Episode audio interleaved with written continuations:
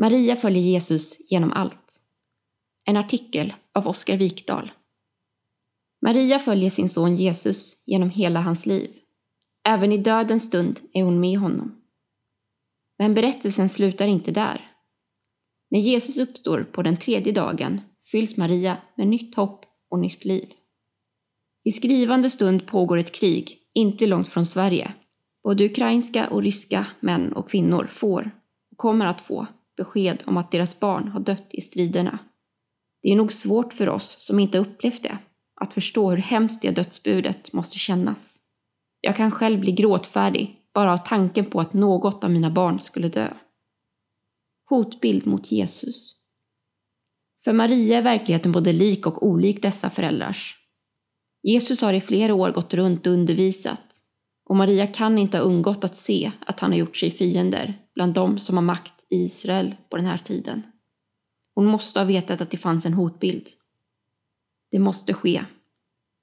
Samtidigt vet Maria vad Gud har sagt om hennes äldste son. Hon vet vad hon fått uppleva kring hans födelse och genom hans uppväxt och hon har hört Jesus budskap och undervisning. Kanske tänker hon ändå att han ska klara sig.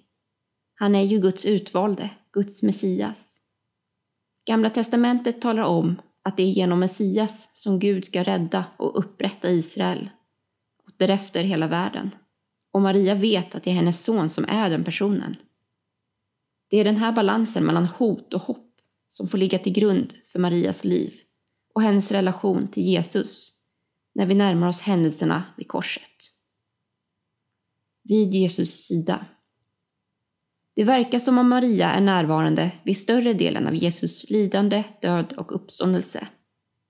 Även om evangelierna ofta har fokus på lärjungarna nämns också Maria ofta. Och det verkar som om hon följer med i lärjungagruppens rörelser. Ända in till döden. När vi så kommer till korset är till och med de flesta av lärjungarna försvunna. Men inte Maria.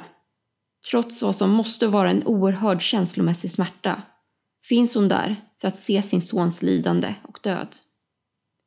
Tillsammans med några andra kvinnor som följt Jesus och lärjungen Johannes står hon där och ser Jesus sista minuter i livet. Dubbel smärta. För Maria är smärtan också dubbel. Hennes son dör där på korset, men också hennes Messias, den som Gud har lovat ska rädda Israel. Mer än någon annan har Maria fått förstå vem Jesus egentligen är. Ända från den stund ängeln kom till henne med uppdraget att föda Guds son. Och nu verkar det som om allt det hon tänkt och hoppats håller på att gå i spillror. Hennes son dör och med honom också Messias-hoppet. Han lever. Lukas berättar sedan för oss om hur Jesus begravs och hur Maria, tillsammans med de andra kvinnorna, följer med på avstånd. Utifrån evangelierna är det sedan lite svårt att avgöra vad Maria, Jesus mor, gör. Det är nämligen flera kvinnor kring Jesus som heter Maria. Och evangelierna skiljer inte alltid mellan dem så tydligt. Det vi kan slå fast är i alla fall att Jesus uppstår och att det är kvinnorna som får vara hans första budbärare.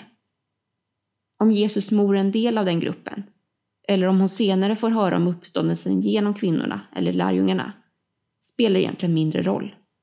Poängen är densamma. Jesus lever. Nytt hopp. För Maria måste vändningen ha varit omtumlande. Hennes son var död och hade varit död i tre dagar.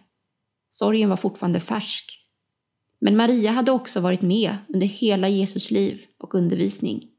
Hon visste att Gud hade utvalt honom hon hade hört hans undervisning om sig själv. Kanske var hoppet inte helt släckt. Nu fick det i alla fall ny fart. Jesus uppståndelse får omtumlande konsekvenser för Maria, men också för Jesus syskon. I Apostlagärningarna kan vi läsa om hur de ansluter sig till lärjungaskaran och ber tillsammans med de tolv efter Kristi himmelsfärd. Det är också sista gången vi kan läsa om Maria, Jesus mor. Nytt liv. Precis som för Maria innebär Jesus uppståndelse ett nytt liv för oss. Det ger legitimitet till alla Jesus anspråk på att vara Gud själv, Messias, sänd för att rädda människorna från synden och döden tillbaka till gemenskapen med Gud Fader.